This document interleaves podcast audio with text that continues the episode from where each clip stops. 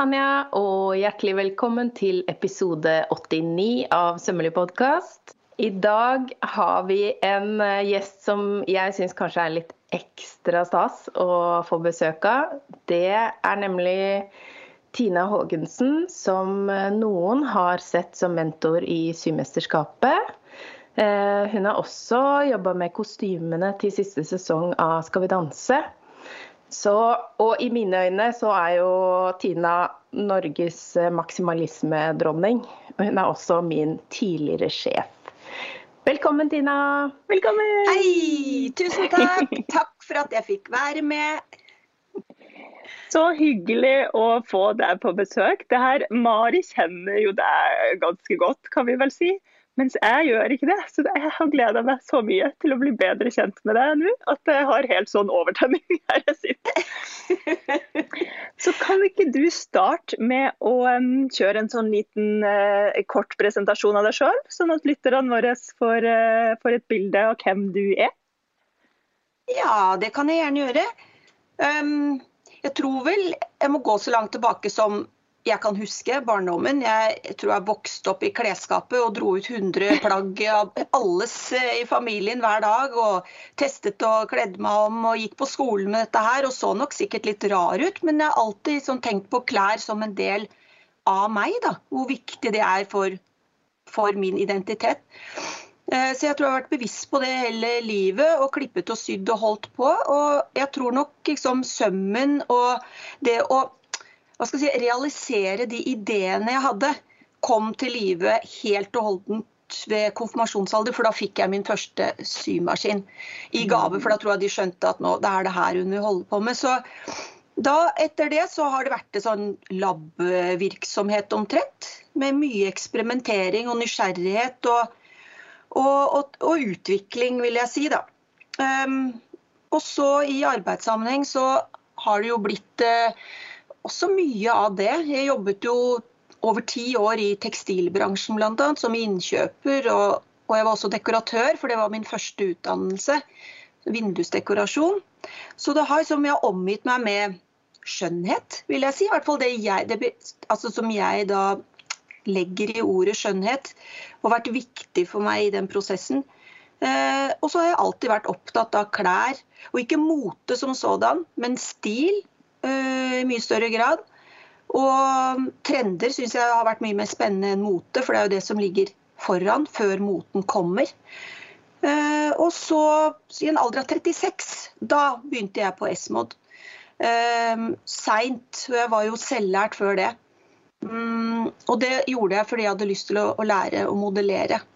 Og der var jo Nils Kristian bl.a. og Dorte, som var mine modellismelærere. Og det ga meg så mye. For den friheten i å kunne og gjøre eh, satte jo i gang egentlig brandet mitt for fullt. da. Og det drev jeg med i mange år. Produserte i Kina, Litauen, mm, Serbia, India, Norge. Um, og så uh, nå, nylig, KIO, tok jeg en master i design. Var ferdig nå i sommer. Så Aldri for sent. Aldri for tidlig. Og det er jo litt sånn stikkordet også. For, eh, for, det temaet vi kommer til å snakke kanskje mest om uh, denne episoden. Eh, også den masteren din på KIO. For det er jo litt sånn aldri for sent som, som, ligger til grunn for det også, på en måte. Mm. Ja. Det er uh, i hvert fall um, Når jeg har reflektert i ettertid Hvorfor så sent? Også egentlig Esmod, da. Jeg var jo i slutten av, av 30-årene. Fordi jeg hadde jo egentlig sydd bestandig, og jeg hadde jo solgt klærne mine også på mitt skattekammer, en sånn bruk, bruktbutikk i Oslo som eksisterte før. Jeg, jeg, holdt jo på.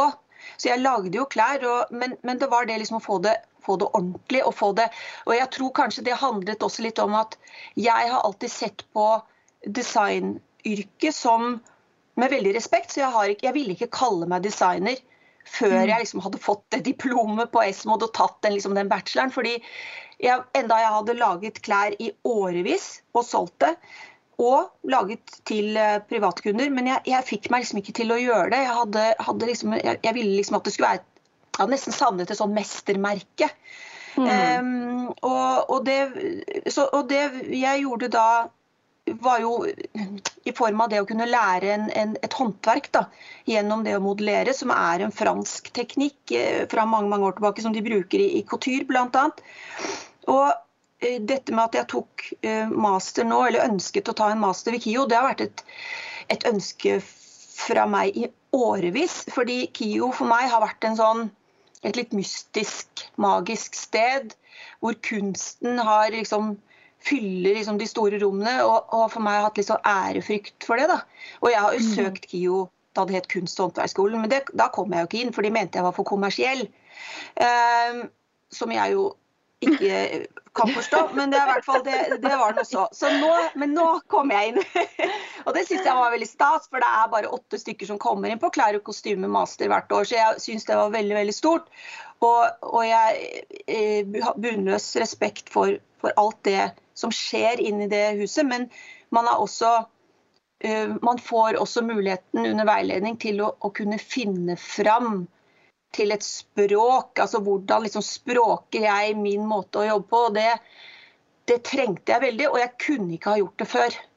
Det var det jeg mm. kom fram til, at det var nå det skulle skje. Jeg kunne ikke vært yngre eller hatt mindre erfaring. Jeg, jeg, det var liksom nå det skulle være. Og, og det ga meg en sånn utrolig eh, skal si, platt, sterk grunnmur, da, merker jeg, til å mm. kunne bygge noe trygt og solid over den grunnmuren. Og, og, det er eh, noe jeg har lyst til å gjøre, men samtidig så er det, er det fortsatt litt eh, Det er liksom en, hva skal man si, et organisk stykke arbeid. Jeg vet ikke helt hva det skal bli, jeg kan ikke sitte hele fingeren på det, men jeg har begynt å komme fram til noe. Mm. Veldig spennende. Det som er litt gøy, ja, når du nevner en, eh, at du føler du har mangla en grunnmur. Eh, og det tenker jeg at noen ganger må jo den grunnmuren være på plass i oss sjøl før vi følger det. Men sånn utad så har jo du hatt du har jo hatt din, ditt varemerke og din greie alltid. Eh, med den. Du har kledd opp kjendiser, kjørt redesign, kostymedesign og hatt liksom din Tina fargerike, maksimalistiske stil som en sånn rød tråd gjennom absolutt alt. Um, og man kan jo nesten ikke snakke med deg uten å nevne også det tette båndet du har til eh, Kjell eh, Nordstrøm. Ja. Eh, Kjell og jeg vi har kjent hverandre i over 30 år.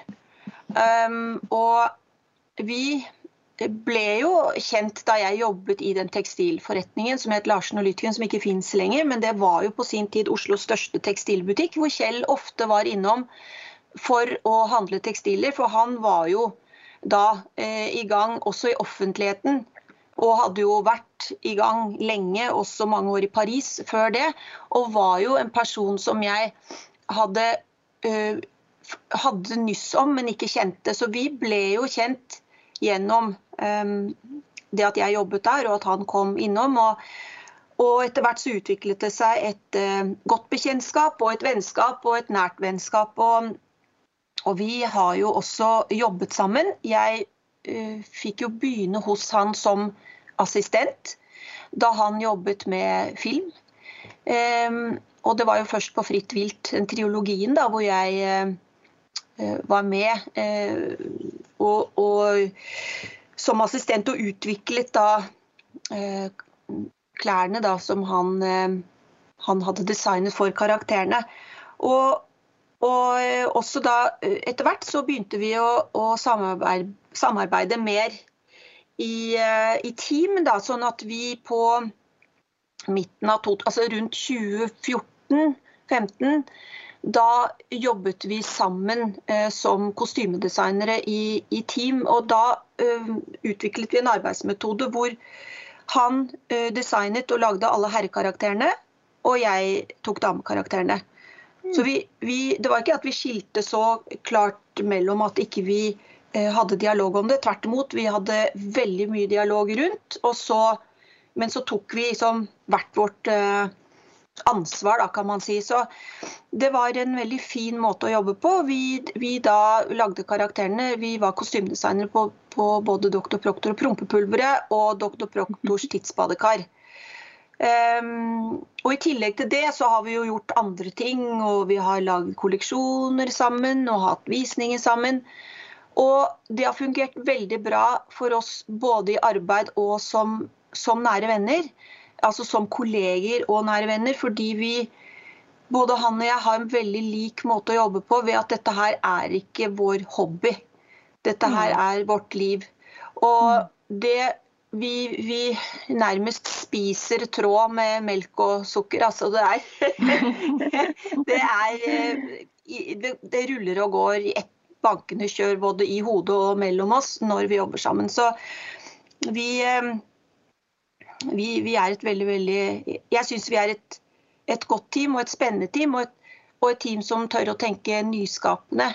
Eh, og, og også være tenke utafor den boksen, for den er det jo ingen av oss som er, liker å være i eller syns vi er tjent å være i. Så, så vi, men vi har også så har vi perioder, langperioder kan det også være prosjekter hver for oss. Og så er det akkurat som om det var i går når vi treffes. Så vi, jeg er veldig glad i Kjell. Som mm. menneske og, og, og, som designer og har veldig respekt for han. Mm. Mm. Ja, det, for det kan være litt fint også, å noen ganger eh, få en liten påminnelse om at eh, man kan finne noen å dele univers med. Og man kan mm. eh, det, Selv om man har et veldig sånn spesielt og unikt univers, så, så fins det noen ganger plass til andre. og det er litt sånn eh, kan være en litt fin påminnelse. Det opplevde jo jeg da jeg jobba hos deg, at vi to var jo bare inni vår boble. Eh, mm. Det var tydelig for meg hvor godt dere jobba sammen de gangene han var inne i bildet. da. Så ja. det, det, er veldig ja, det er veldig fint. For det, det, er veldig mange ensomme ulver der ute i syverden. Så, så det kan være gøy å høre om de samarbeidene som faktisk funker også. Ja, og jeg tror også man må huske på at skal man jobbe med dette profesjonelt, eh, så er det jo også eh, slik at mm, hvis man jobber med produksjoner, da, enten i film, TV, Eh, reklame kan det også være, så er det jo team. Man jobber jo mm. i et team. Fordi det er jo Hva skal man si? Stor, jeg syns jo det er stor forskjell på det å lage mine egne kolleksjoner. Og selv da er jo jeg, uh, om ikke avhengig av, så jeg, jeg skulle godt kunne trenge eh, hjelp. Altså sånn mm. F.eks. Mari, du var jo assistent hos meg hele to år. Mm. Og altså, den jobben du gjorde, eh, var jo helt uvurderlig fordi du både visste hva jeg ville og hvordan jeg tenkte osv. fordi vi jobbet tett sammen, men også tok eh, ansvar og, og, tok tak i ting. Og var en sånn drivkraft da, som er så godt å ha, fordi det handler også om at jeg kan være trygg på deg, eller den det måtte være. da, Og kunne mm. utfylle en, en rolle. Så og, man, og, og, det gjør også at man, og det tror jeg er litt viktig, lærer seg å gi fra seg. Eh, at man ikke er redd for at å nei, de ideene må komme fra meg, eller, eller det må jeg ha kontroll på. fordi man, man, blir kanskje litt sånn navlebeskuende i et sånt egoarbeid. da. Men mm. det at man kan anerkjenne også at det er godt å jobbe med, med andre. Og, og, og jeg har jo hatt helt, altså vært helt nødvendig for meg for å kunne eh, få hjelp av min kjære mann Rikard når det gjelder det å, å, å, jobbe med tekniske ting som han har fullstendig koll på, og som jeg ikke har tid engang til å sette meg inn i. Eh, og, ikke sant? Og, og, jeg har jo, altså Vi er nesten blitt også en sånn familiebedrift hvor, hvor, jeg diskuterer veldig altså Jeg har diskurser med mine barn altså når det gjelder klær i samfunn. altså Så det er egentlig ganske mange mennesker rundt en som kan være både til støtte, men også til være i dialog med. da. Sånn at man kan komme fram til andre løsninger eller se ting fra andre vinkler. Enten mm. det gjelder det praktiske eller teoretiske arbeidet. Veldig viktig for utvikling å ha et sånt godt team, sånn som du beskriver. Man kommer jo så langt alene, og så er det liksom Ja, den ekstra mila er jo lettere å gå hvis man kan speile seg i noen andre. ja. Ja, men det er det. Og det er gi og ta. Så at man, mm. Eh, man eh, må også være bevisst på det når man ja, f.eks. har assistenter og lærlinger og slikt også. At man, eh, man, man, det er jo en gi og ta, og det er også når man er lærer. Jeg har jo også erfaring fra å være lærer fra Esmod i fire år selv, etter at jeg hadde tatt utdannelsen min der. Og, og eh, det skal sies at som lærer kan man Ja, man skal, skal gi mye av kompetansen sin og altså av erfaringene sine og kunnskapen sin. Men det er ikke tvil om at man også får, fordi man hele tiden er i dialog og idékasting og myldring. Um, og ikke minst diskurser også, for å, å da snakke om uh, hvordan klær og det, vårt yrke påvirker samfunnet, da, og hvordan samfunnet påvirker det vi gjør.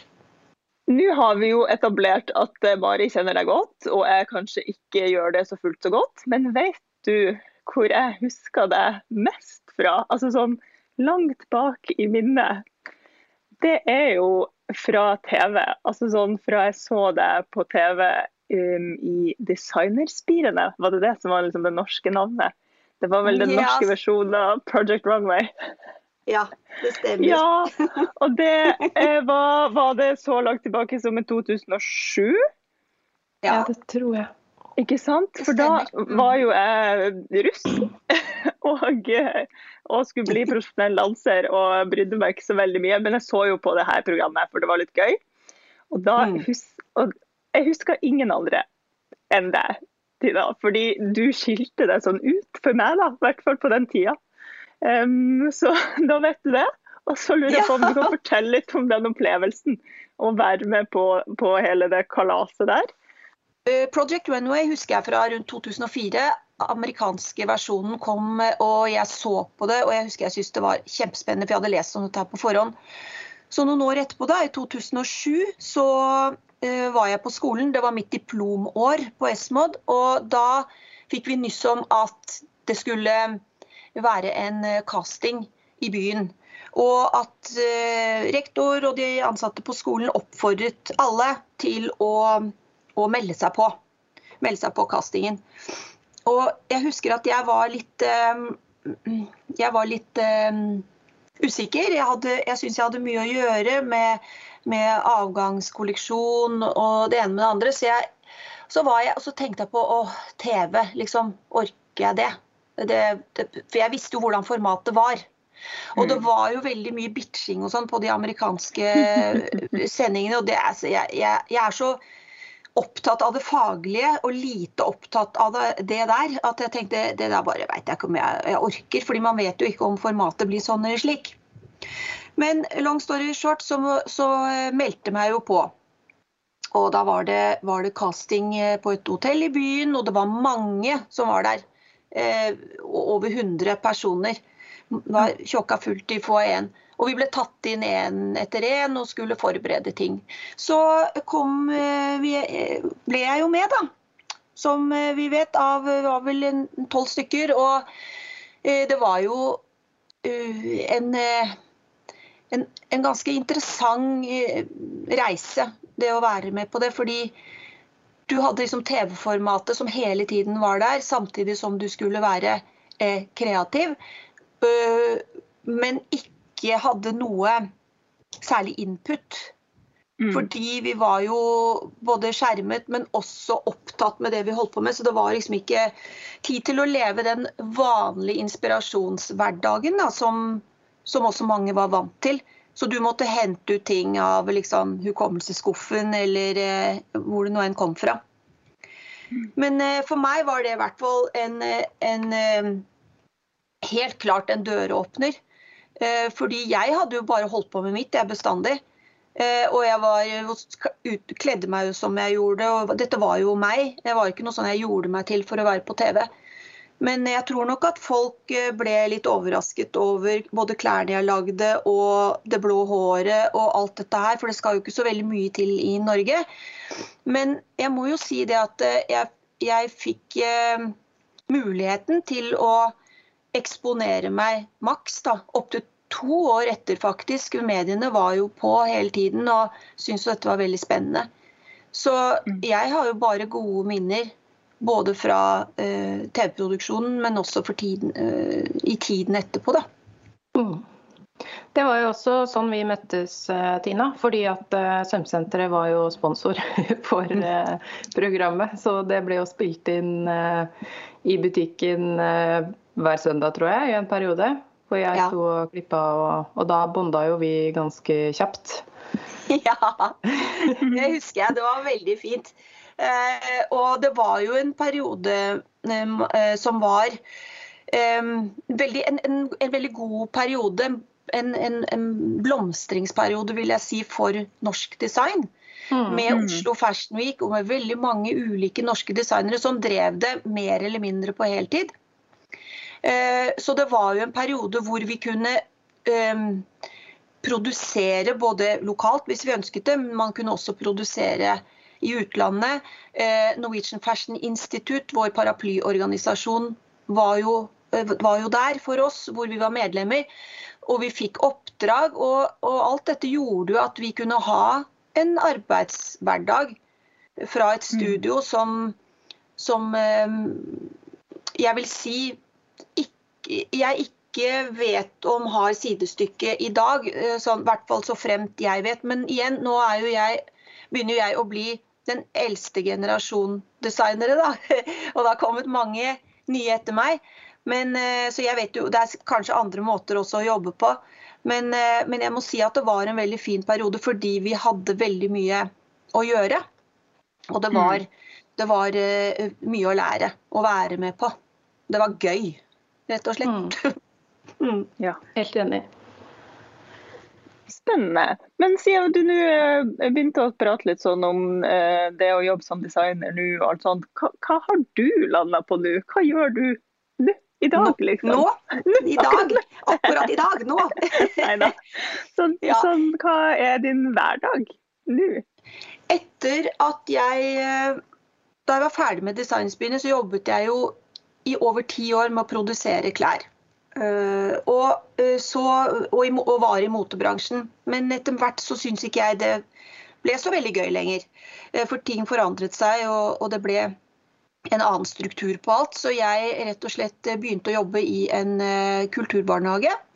Hvor jeg har hatt mine barn da de var små. Og der jobbet jeg med kunst og kulturformidling til barn, førskolebarn, i fem mm. år. Og begynte etter det på KIO, da. Så jeg gikk jo ut av KIO med masteren nå i, i juni, og er jo på ett vis starta ikke helt på nytt, men med noen andre i noen andre sider i boka. Eh, så denne høsten her har jeg jo hatt eh, et, eh, et engasjement som har gått fram til nå, faktisk. Så jeg har hatt desember fri. Og nå er det jo januar og et nytt år. Så nå tenker jeg at jeg skal rett og slett begynne å se meg om etter nye prosjekter å jobbe med, fordi jeg eh, tenker at jeg skal i hvert fall gi frilansvirksomhet ett år. Det er som jeg har satt meg, jeg har satt meg et mål om å, om å gjøre det i ett år, så skal jeg evaluere etter det året. Altså til neste jul. Ja, så spennende at vi fanger deg i et sånt uh, omstillingsøyeblikk her. Dette var gøy. ja. og det er jo litt morsomt også å være altså Man kan si ja, man har liksom vært etablert designer i, i mange år. Men, eh, men, jeg kan jo også gjøre en del andre ting. Eh, så både fordi Det er jo ikke sånn at fordi om man er designer, så kan man nødvendigvis modellere, konstruere og sy. Eller vet veldig mye om tekstiler.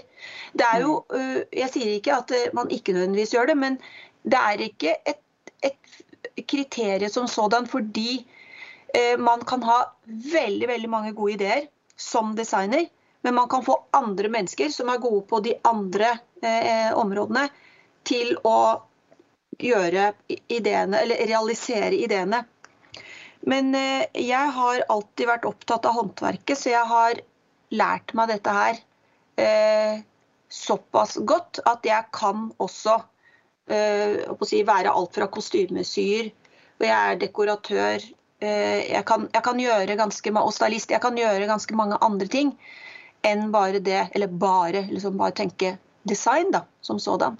Så um, det syns jeg, og det er det som jeg syns er litt spennende, fordi jeg vet ikke helt hva som kommer ut av dette her. da. Eh, det kan være alt eller ingenting.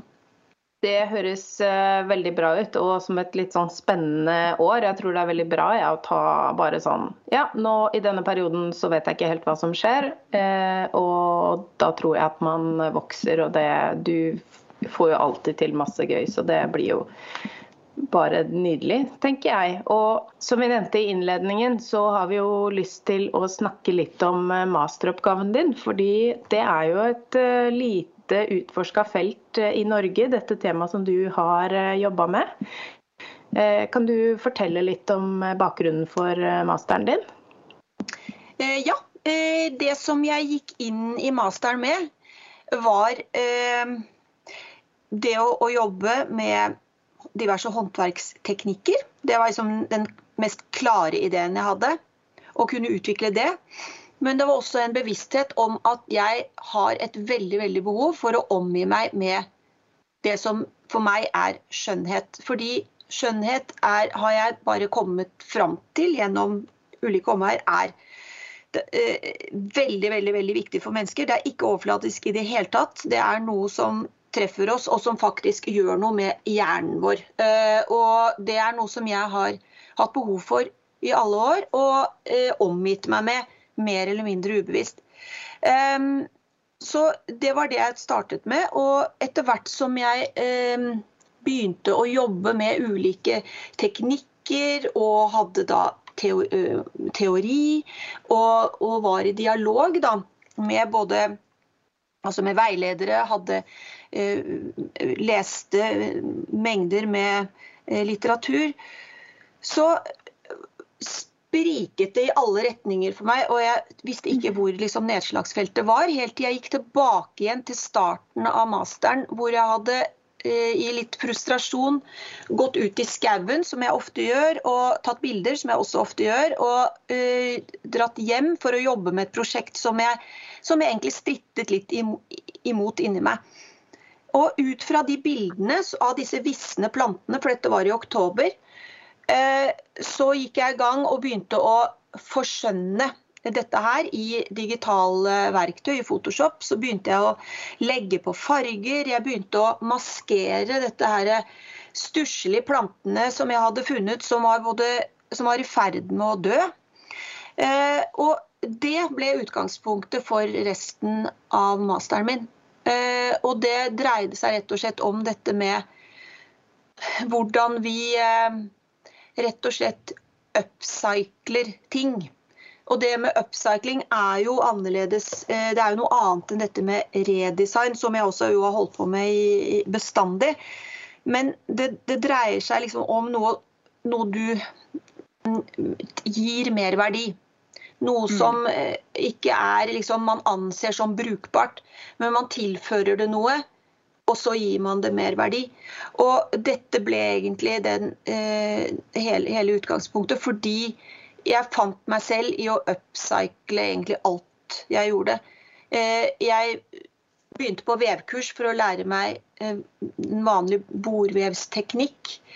Eh, men jeg tenker hvordan kan jeg også ta noe som som kan virke gammelt og utdatert, og upcycle det igjennom. Hva skal det bli? Jo, da kan man bruke digitalvev man gjør silketrykk og serigrafi, så oppcycler man det. det blir, man kan ta det videre til digitaltrykk.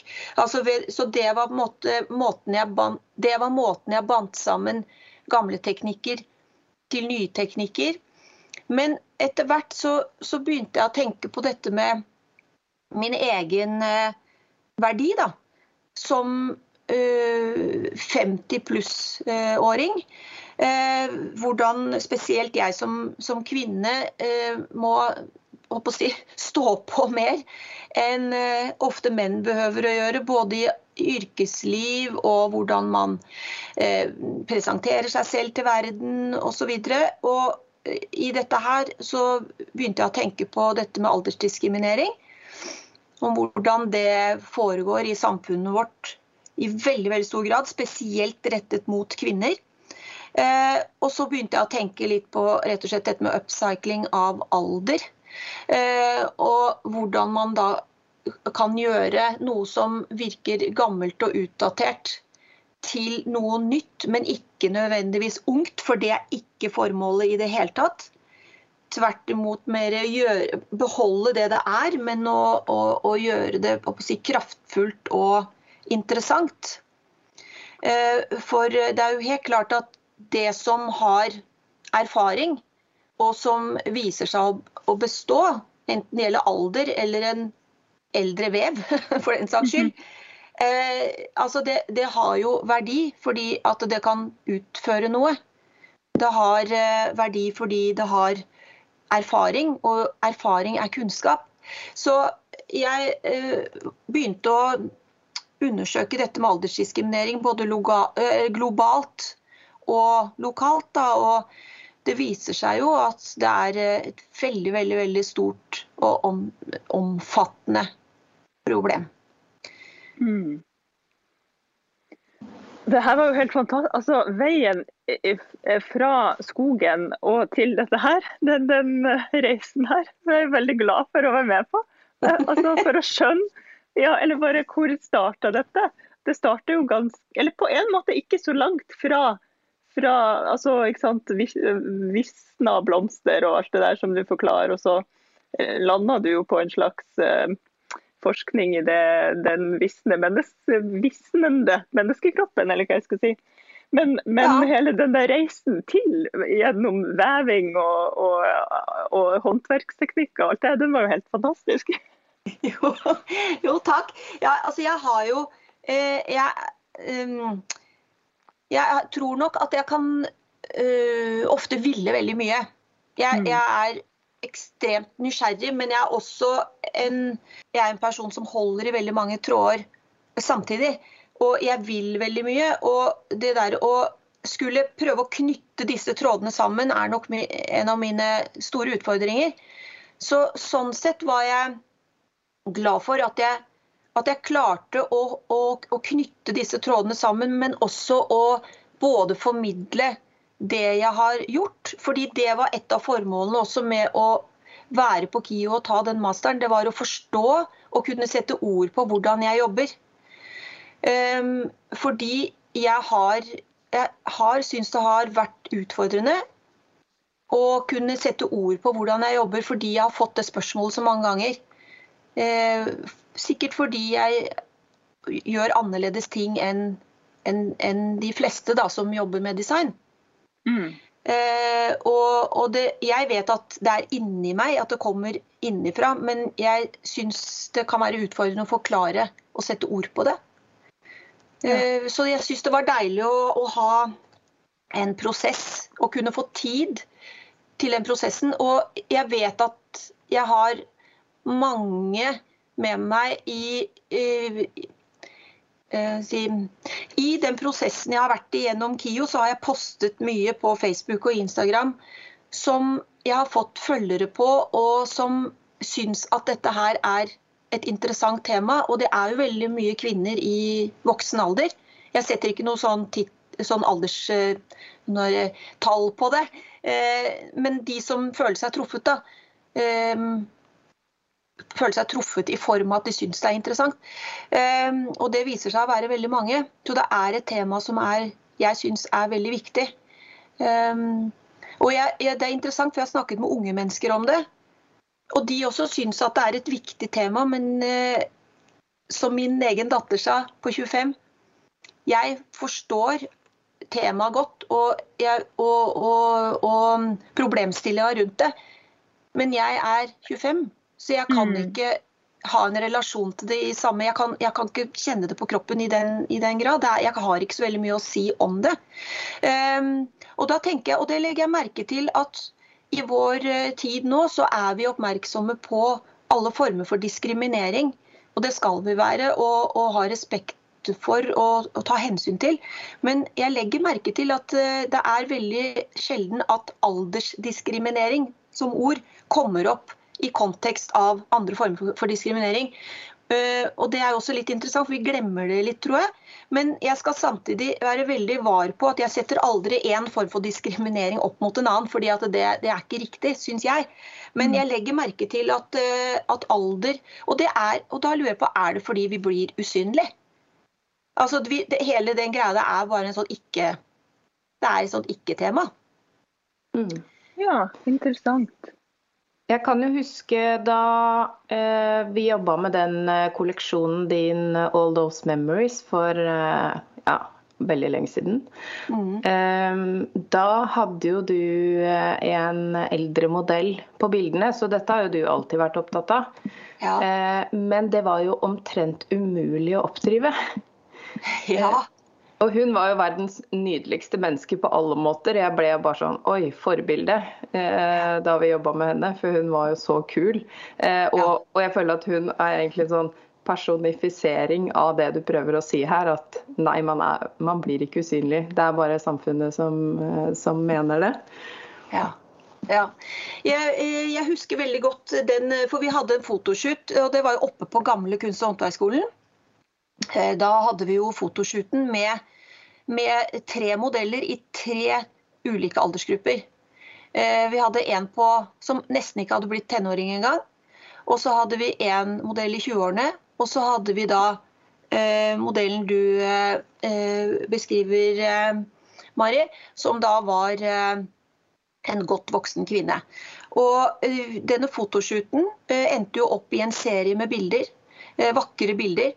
Og, eh, det, for det skulle jo da forestille hennes ja, reise gjennom livet. Så var, det var hennes person i tre ulike aldre. da. Og eh, da eh, de bildene ble tatt med på messe til København og Paris, så var det altså så mange innom standen for å se på de bildene. Og noen sa å, jeg har hørt, om, jeg har hørt at du har bilder sånn og sånn. Og det var stylister, det var fotografer, det var folk som kom innom. Fordi alle bemerket at det er så uvanlig å ha en så liksom, eldre kvinne i en motesammenheng. Eh, dette var vel rundt Jeg tror det, disse bildene ble tatt rundt 2009.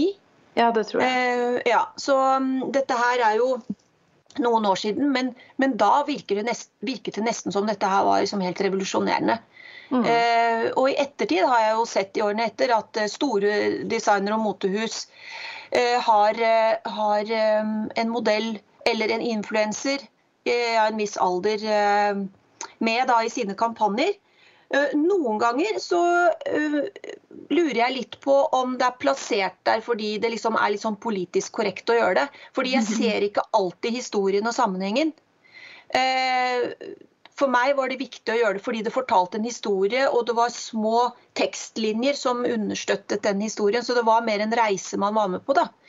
Eh, Og jeg skal ikke si at jeg gjør det noe bedre eller annerledes enn noen andre, men noen ganger i store kommersielle sammenheng eh, så blir kanskje disse godt voksne kvinnene fremstilt som om eh, de er de kuleste på en fest, f.eks. i da en gruppe med bare andre unge mennesker. Så da skulle jeg i hvert fall ønsket at det var så ti unge mennesker og én godt voksen, så de kunne i hvert fall vært half and half. Så hadde det vært kanskje noe man kunne identifisere seg med. For jeg tror det er der Mhm.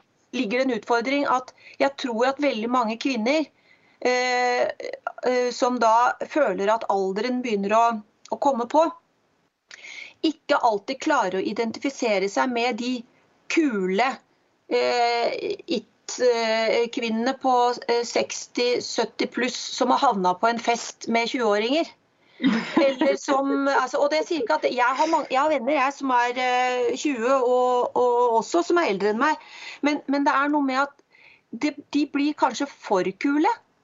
Altså, Det det er, ja.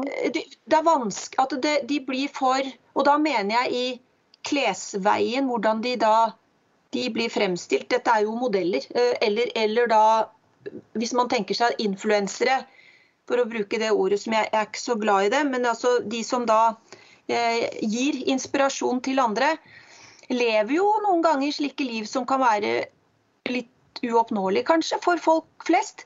Så jeg tror at det også kan bli et gap imellom.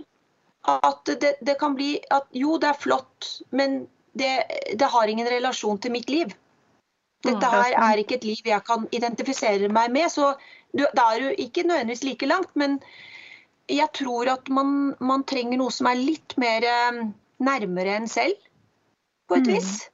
Og at man trenger å se mer av det i hverdagen. Altså at det er mer Eh, fordi jeg tenker, jeg tenker noen ganger eh, hvis jeg, jeg nesten aldersdiskriminerer meg selv noen ganger. Hvis jeg kan se for meg at hvis jeg går forbi et sted som jeg vet at liksom, kanskje min sønn da, på 22 går på, en klubb eller et eller annet, så, så tenker jeg noen ganger litt på meg selv. Hmm, lurer på hvordan det hadde blitt hvis jeg hadde dukka opp der.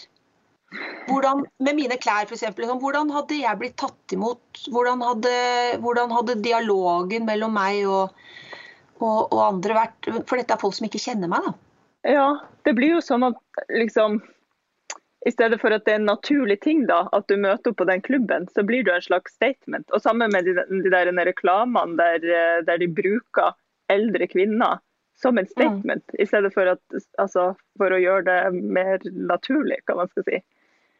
Ja, eller for å, for å inkludere. og det, altså, det, er jo flott. I altså, utgangspunktet så syns jeg jo det er flott at, at eh, eldre modeller blir blir inkludert eh, i større og større grad. fordi dette er jo det man ønsker, selvfølgelig at man skal få mer synlighet. Mm. Eh, og uten at, det, uten at, det, er rart eller at man liksom trenger å stusse over det. Men, men samtidig så tror jeg også at det kan eh, hva skal man si, være en, eh, en fordel om, om, man hadde gjort det i Man hadde liksom duplisert det, altså fått, fått heller Eh, flere. Sånn at man, eh, man ikke liksom, det blir en og annen som, som, stikker seg ut som den som er liksom en, en som bare blir veldig, veldig eh, spesiell, da. Men, ja, men, det, men uansett, jeg er, jeg er, glad for det. Altså, uansett, det er bare sånn, Der igjen kommer man ut av disse her. Man har hele tiden et sånn kritisk syn på sant, disse kritiske spørsmålene og problemstillingene da, som man hele tiden har liksom, disse diskursene rundt. Mm. Mm. Det er jo også sånn vi kommer videre. Og denne representasjonstankegangen, det er jo det samme i alle mulige marginaliserte eh, settinger. Eh, for det er jo det det handler om, at folk vil se en som de kan eh, identifisere seg med. Og det gjelder jo på en måte i, i alle grupper, da. Ja. Så det er noe med å bare ikke, ikke forholde seg til at de som er på en måte et eller annet slags form for ideal som, en, som er kunstig eh, fremstilt. Ja. Eh, men at man heller velger mer variert sånn på generell basis og på en måte en normalisering av det man ser. Ikke, altså ikke normalisering av idealet, men normalisering av hva er egentlig hva er det vi vil se. Ja, fordi jeg tenker at hvis jeg f.eks. går inn i en klesbutikk eh, som eh, hva skal jeg si, sammen, La oss si sammen med min datter på 25, da. Så vil jeg nesten i, i alle, de fleste tilfeller raskt forstå at eh, målgruppa og salgs, altså sales point er rettet mot henne og ikke mot meg.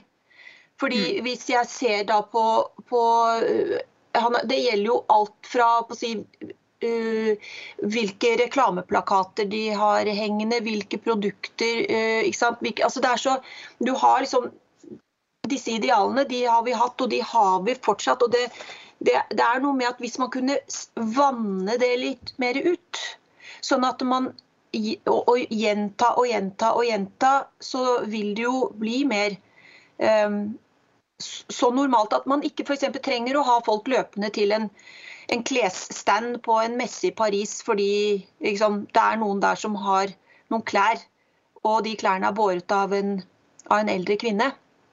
Mm. Nå har du skrevet denne masteren, eller jobba med denne masteren. Det er vel både mm. praktisk og, og teoretisk og alt sånt.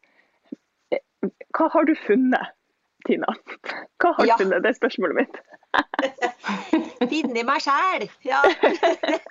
Finne meg sjæl. Jeg, jeg har funnet ut flere ting underveis også i, prosess, altså i, prosessen av det å være designer gjennom mange år, eh, knyttet til det jeg har lært og funnet gjennom masteren, har vel, har vel gjort at det er blitt sånn er liktegn bak. da. At jeg har mm. kommet fram til noe i, i, kombinasjon. Og jeg tror nok først og fremst det jeg har kommet frem til, er at jeg, at det, det, er OK at ikke jeg kan nå alle. Altså at jeg, Det er ålreit at jeg kan være i en nisje som designer. Eh, fordi eh, det å ta veldig mange gode råd, som man alltid får, spesielt når ting ikke går helt på skinner, man ikke selger så mye som man håpet på osv., så, eh, så har jeg nå si, erkjent og akseptert at jeg er en designer som må jobbe med de tingene som kommer innifra. Altså, jeg kan ikke la meg påvirke av det som skjer utenfra, verken av trendanalyser eller hva, som, hva folk vil ha i skapene sine. Det er heller jeg som må fortelle den historien og gi det. Eh, og det andre er det at jeg alltid har hatt en sånn opplevelse av å stå med ett bein i, i, liksom, i det kunstneriske og ett bein i, i, design. Da. Og, og, og, og det å kunne klare å både skille mellom hva de to tingene er, men også hvordan og hvorfor de møtes. Da. Det handler nok for min del mye om at jeg ikke har lyst til å jobbe med klær som er to tomme.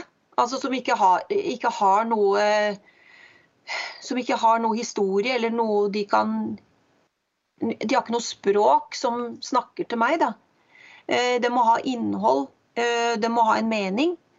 Ehm, det må ha altså, en funksjon. Eh, men jeg vil også at det aller helst skal bidra til at folk vil, noen vil bære det, og at de, at de ønsker seg dette såpass mye at det, det gir dem noe når, når, de går med de klærne. At, at det, skal, det, skal, ha en betydning for dem. Og enten, det kan være i form av hvordan det ser ut. Det kan være hvordan det er eh, er laget.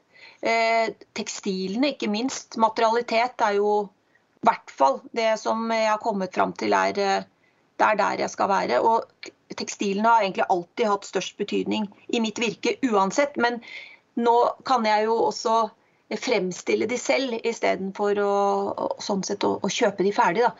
Um, så det er, det, er nok, det er jo sjelden én ting med meg. Jeg, det er alltid liksom Hvis du gir meg et stikkord, så har jeg ti, ti, sikkert ti ting å, å hekte på. Men, men eh, i hvert fall så Det at jeg har, har fått et, et, språk og en forståelse for hvorfor jeg jobber som jeg gjør, og, og at jeg jobber som jeg gjør, at det er det jeg skal fortsette med. Og så må jeg bare finne ut av om, om det, hvordan det skal forvaltes, og hvordan, hvordan jeg skal produsere det. og og hva det kan bli. Kanskje ikke bare klær, kanskje kan det også bli noe annet som man har i rommet istedenfor på seg. Og jeg har jo absolutt lært mye mer om mm, hvordan man eh, tilegner seg mm, kunnskap, og så videre da hvordan man tenker om klær i relasjon til samfunn spesielt. Da, for det er det å kunne ha noen ord for akkurat for det man gjør, og hvorfor det, er, hvorfor det er viktig for meg å holde på med dette. Fordi for meg, altså Klær er ikke, er ikke bare, bare noe man tar på seg og noe som er overfladisk. Det, det har veldig veldig mye mer eh, viktighet og betydning enn det. Det ble et langt svar. Det var tydelig svar. Det var et nydelig svar. Og, hva, og, veien videre for det arbeidet du har gjort, det er egentlig foreløpig litt åpent, det da? Ja, veien videre er åpen. Og jeg har jo tenkt mye på dette med eh, Apropos dette med, med, kunsten, da, og hvordan nærme seg den. I form av For jeg er jo veldig fan av Jeg er veldig tilhenger av at f.eks. designere håndverkere og kunstnere. altså de, de, Disse tre burde jobbe sammen. for Jeg tror det kunne være, jeg, jeg syns per i dag at det er liksom ganske adskilt. Og jeg syns noen ganger kunsten er litt sånn, kan være litt pretensiøs. Det kan være litt skummelt å gå inn i. Jeg syns kunsten er skumlere enn design. da. Kanskje fordi kunsten er ansett som noe høyere, eh, som har mer betydning. Men jeg kunne tenkt meg å prøve å undersøke litt mer hvor jeg kunne være i i kunstens rom, da, eh, med det jeg har å, å, å, bidra med, med det jeg har å jobbe med.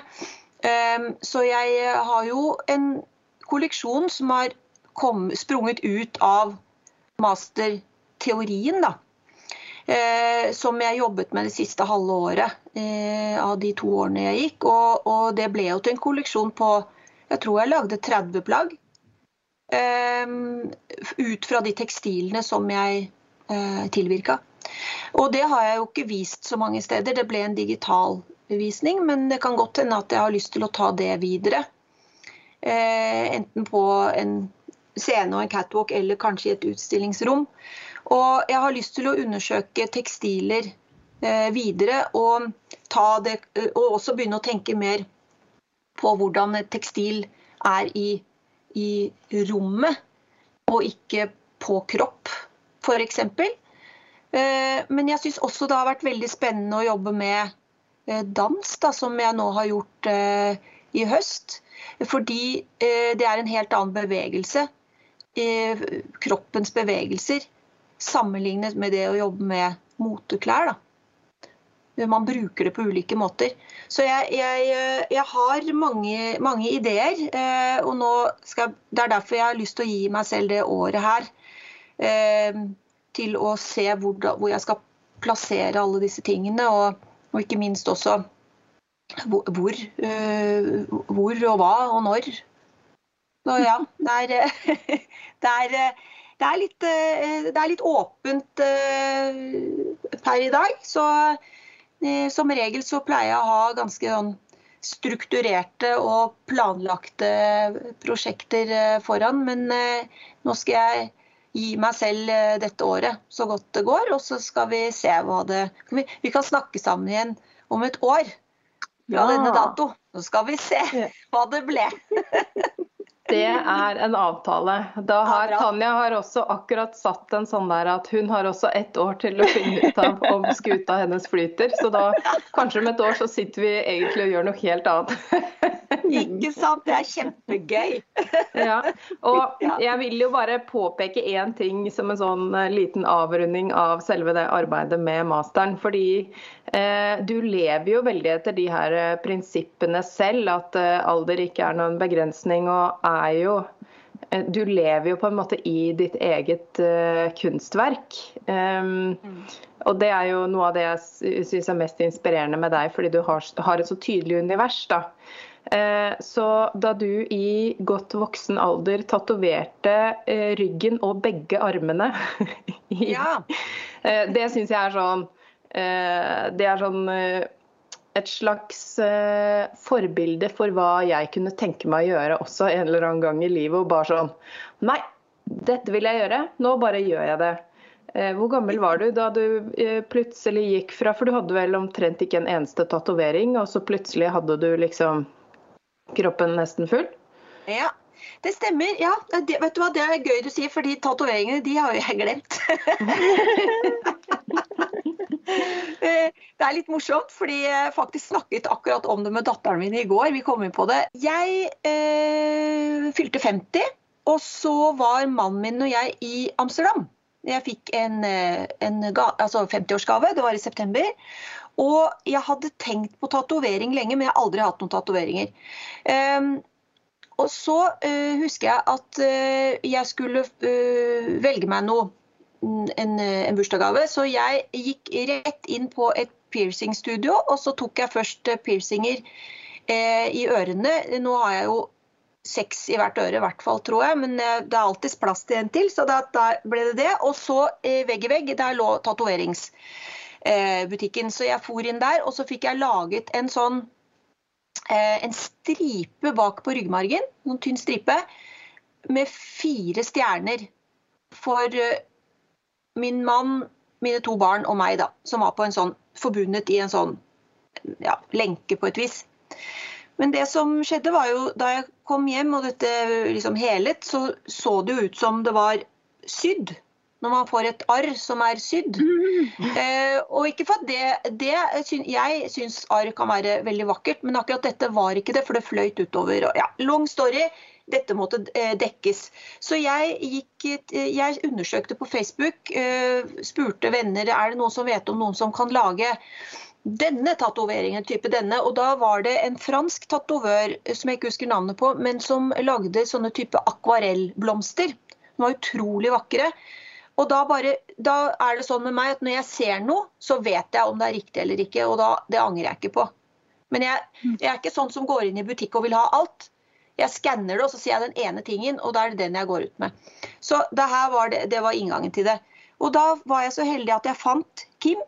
Han er kunstner, og han lagde denne eh, greia bak på ryggen til å bli en helt fantastisk blomst. En akvarellblomst som bredte seg utover skulderbladene. Så den ble jo 100 ganger så stor som denne stripen var, da.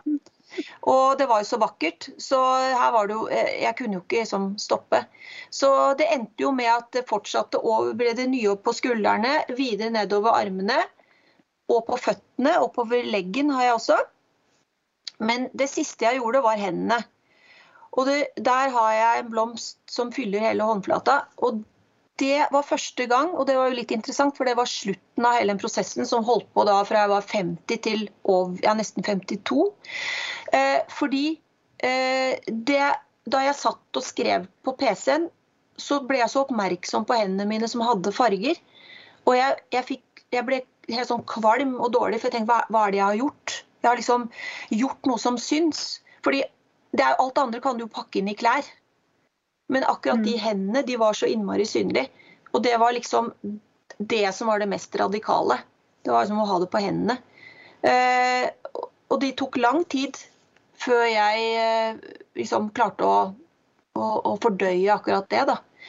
Um, nå tenker jeg ikke på det. Det er nesten som det er blitt en del av Det er jo en del av huden, men det har blitt uh, liksom en del nesten av påkledningen min på et vis. Mm. Og det, det, er litt gøy, da, fordi jeg var uh, satt i et middagsselskap, og så vedkommende som satt ved siden av meg, sa det at blomster, ja, for det, dette er jo blomster. Blomster, blomster, blomster. Og, som jeg elsker. Og så sa vedkommende noe sånt som at ja, dette er jo festlig, for når du blir veldig gammel og får sånn tørr hud, uh, så blir det jo potpourri. Sånn tørkede blomster. så tenkte jeg ja ja, ja da. Det, det gjør jo det. Det passer jo for deg, det. Jeg synes det, jeg tenkte, det, jo, det blir jo det. Det er helt fint. Fordi ja. det kommet, spiller jo ingen rolle om dette her kommer til å, og nesten enten vise seg ut eller skrumpe sammen. fordi det, det, er jo bare en del av den naturlige eh, visneprosessen både for blomstene og for meg. Mm. Så det kan jeg leve med. ja. Helt enig. Ja. Det er i hvert fall jeg syns i hvert fall det var helt nydelig, og jeg har jo ønska meg akvarelltatoveringer eh, i 15 år sikkert, så når du fikk dine, så var jeg bare sånn Enda, enda en ting! Men det er, jo ikke noe hemmelighet at vi er enige om en del ting. Så... Ja, det, det, er vi, Mari. Og det er veldig fint. Apropos det å være også Å ha sparrings... Altså det der å kunne sparre ideer. Apropos det å snakke om team som vi var inne på eh, før.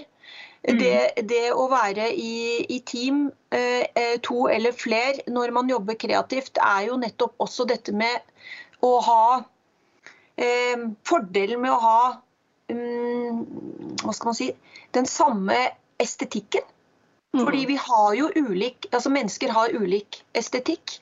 Og, og det å da ha en som leser nærmest sånn Nesten leser visuelt det den andre snakker om. Mm. For da handler det om å kunne formidle, det å, å få opp bilder i hodet. Og, og, relatere til det den andre snakker om. Eh, fordi at Både unngår man misforståelser, sånn at man får et veldig god flyt i arbeidet. Og, mm. og at det er effektivt. Men også det at man girer hverandre gire hverandre opp. Da. For eh, det var i hvert fall sånn Eh, jeg merket eh, med, da vi jobbet sammen, eh, Mari, var jo også det at når man har ideer, og så blir det sånn Ja, og så kan vi gjøre sånn, og så kan vi gjøre mm. det, og så, og så baller det. Ikke sant? Så vi er jo Den dynamikken der var jo veldig god, og den er veldig verdifull. Så mm, jeg, jeg merket også det veldig godt da jeg jobbet med eh, kostymene på Skal vi danse også nå i høst, hvor vi var et lite team på tre. og det er veldig gøy når det er sånn stående applaus når vi ser noe som vi blir gira over. Eller når vi snakker om noe vi blir gira over, så blir det sånn at vi begynner liksom å applaudere og hoie. Og da vet man at man er, eh, man, man, man, tenker på det samme. Da. Um, og samtidig selvfølgelig utfordre hverandre også. Og, og være, stille kritiske spørsmål er jo også bra for å så det er jo, Jeg mener ikke at det skal være et ekkokammer, men, men det at man faktisk kan eh, gi hverandre de pushene og, og, og, og, jobbe sammen dynamisk og bra, da, det er jo det man, man ønsker når man jobber i team. Mm. Veldig enig. Mm. Eh, og apropos det, så må mm. vi jo Vi kan jo ikke avslutte før vi har tatt de faste spaltene våre. Ja. Eh, så har du noe innspo til oss? Ja, eh, altså jeg slår jo eh, stadig et slag for eh, gjenbruk. Der er jo vi også enige, Mari. Vi har jo veldig, vært veldig glad i det begge to hele livet. Mm. Og, og, det jeg tenker på eh, Jeg tenker på at vi må, vi, vi må gjøre det enda mer, men ikke bare gjenbruk altså i form av det å gå og kjøpe gjenbruk. Men selvfølgelig det også. Men det å gå på eh, Hva skal man si mm, Gå inn i motebutikken, sitt eget klesskap. Eh, fordi ofte så, i hvert fall eh, henger vi gjerne bakerst eller innerst i tingene vi ikke engang visste at vi hadde. Eh, så jeg syns veldig ofte det kan være gøy å, å, leke med klær uten nødvendigvis å måtte sy det heller. Det trenger ikke å være en permanent løsning. Det kan være at man prøver å leke seg litt med, med litt nye volumer som man kanskje ikke gjør vanligvis. F.eks. kneppe sammen to herreskjorter, sånn at man får snippene på siden og bruker armene som omslag. At man knyt, bruker de som belter. Plutselig har man en kjole. At man setter ting opp, ned, bak, fram rett og slett eh, altså, prøver å bruke en, en, bukse som en genser ved å klippe hull i skrittet, tre den på. Altså sette sammen ting på nye måter som du allerede har. Da, så det blir mer en stylingjobb mer enn en sømmejobb. Fordi det, det, er gratis, det koster ingenting, og det er en gøy ting man kan gjøre. Og så kan man ta bilder av det også, nesten som man lager det som en slags sånn si en stylingjobb og en fotoshoot. da. Kan være flere sammen f.eks. Og det handler også igjen om å gi hverandre ideer. da. At man kan invitere noen venner over, og så kan man dra, be noen om å ta med seg en pose med klær. Eh, og så kan man eh, legge det ut på gulvet og så se, utfordre hverandre og se hvordan man kan kle på seg selv og hverandre på nytt. Eh, nye måter å sette ting sammen på. Og så kan det generere ideer igjen. Eh, hvis man også har noen knappenåler der, at man kan sette ting per, mer permanent og, og og kanskje sy det sammen til nye antrekk. da. Veldig bra innspo. En, um, en, feil? Vil du dele en feil med oss fra ditt lange liv? ja, det vet du Det, det er så mye. Jeg vet ikke hvor skal begynne. eh, feil er bra, tenker jeg. Fordi feil, det gjennomgår man og lærer av. Eh, det kan være frustrerende der og da, men jeg, min erfaring er i hvert fall at feil som, som, som begrep, da, nærmest, er det man eh, lærer av og unngår seinere. Og utfordrer en til å prøve på nytt. Fordi hvis du ikke prøver på nytt, så lærer du ikke noe mer. Sånn at jeg tenker at, at laborator, laboratorievirksomheten, den som jeg har vært, holdt på med i alle år, har vært grunnen til at jeg kan og vet det jeg vet i dag, om veldig mange ting innenfor designyrket. Så jeg tror at eh, alle feil skal eh, bare omfavnes. Og så må man, men så må man begynne på nytt og gjøre det annerledes. Og man må gjøre det mange ganger. Eh, og Det spiller ingen rolle om, er, om du syr i en skjult glidelåsfeil, eller om du har feila på mye større på mye større og bredere felt, da, som f.eks. at du har eh, ja, kanskje den største feil Hvis jeg skal nevne en konkret ting feil, mm. som jeg mm. aldri gjør igjen, så er det en kolleksjon jeg lagde.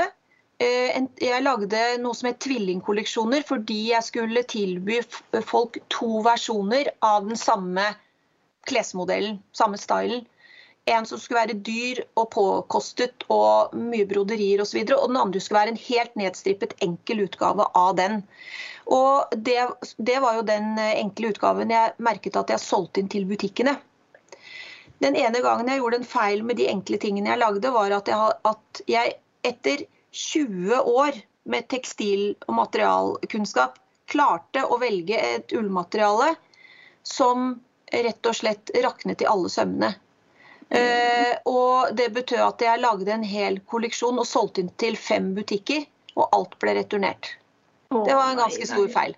Så eh, det var eh, og det, er, det, og det kan sies at det var en kjempestor um, altså, konsekvens av at jeg brukte for kort tid til å uh, velge ut det riktige materialet.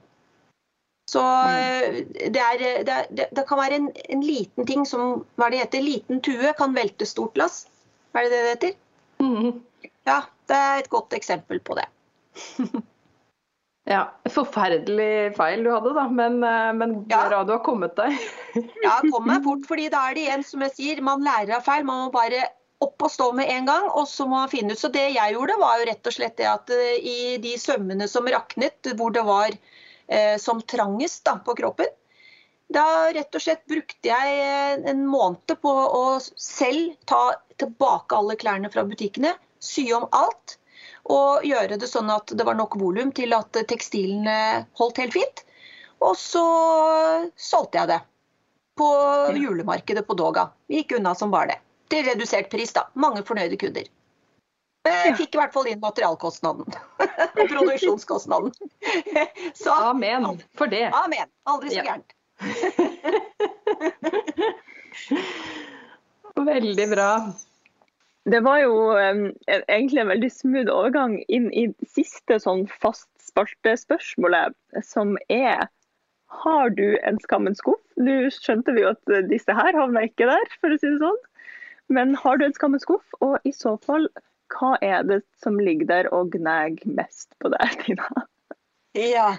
Eh, nei, jeg har ikke det. Jeg, jeg, prøver å tenke, jeg virkelig prøver å tenke, men jeg har ikke det. Fordi det er den måten jeg er uh, lagd. At hvis jeg ser at noe ikke funker, så bare hiver jeg meg rundt og får det til å funke. Uh, for jeg vil ikke ha ting liggende sånn over meg, for det, det ser jeg ikke noe hensikt i.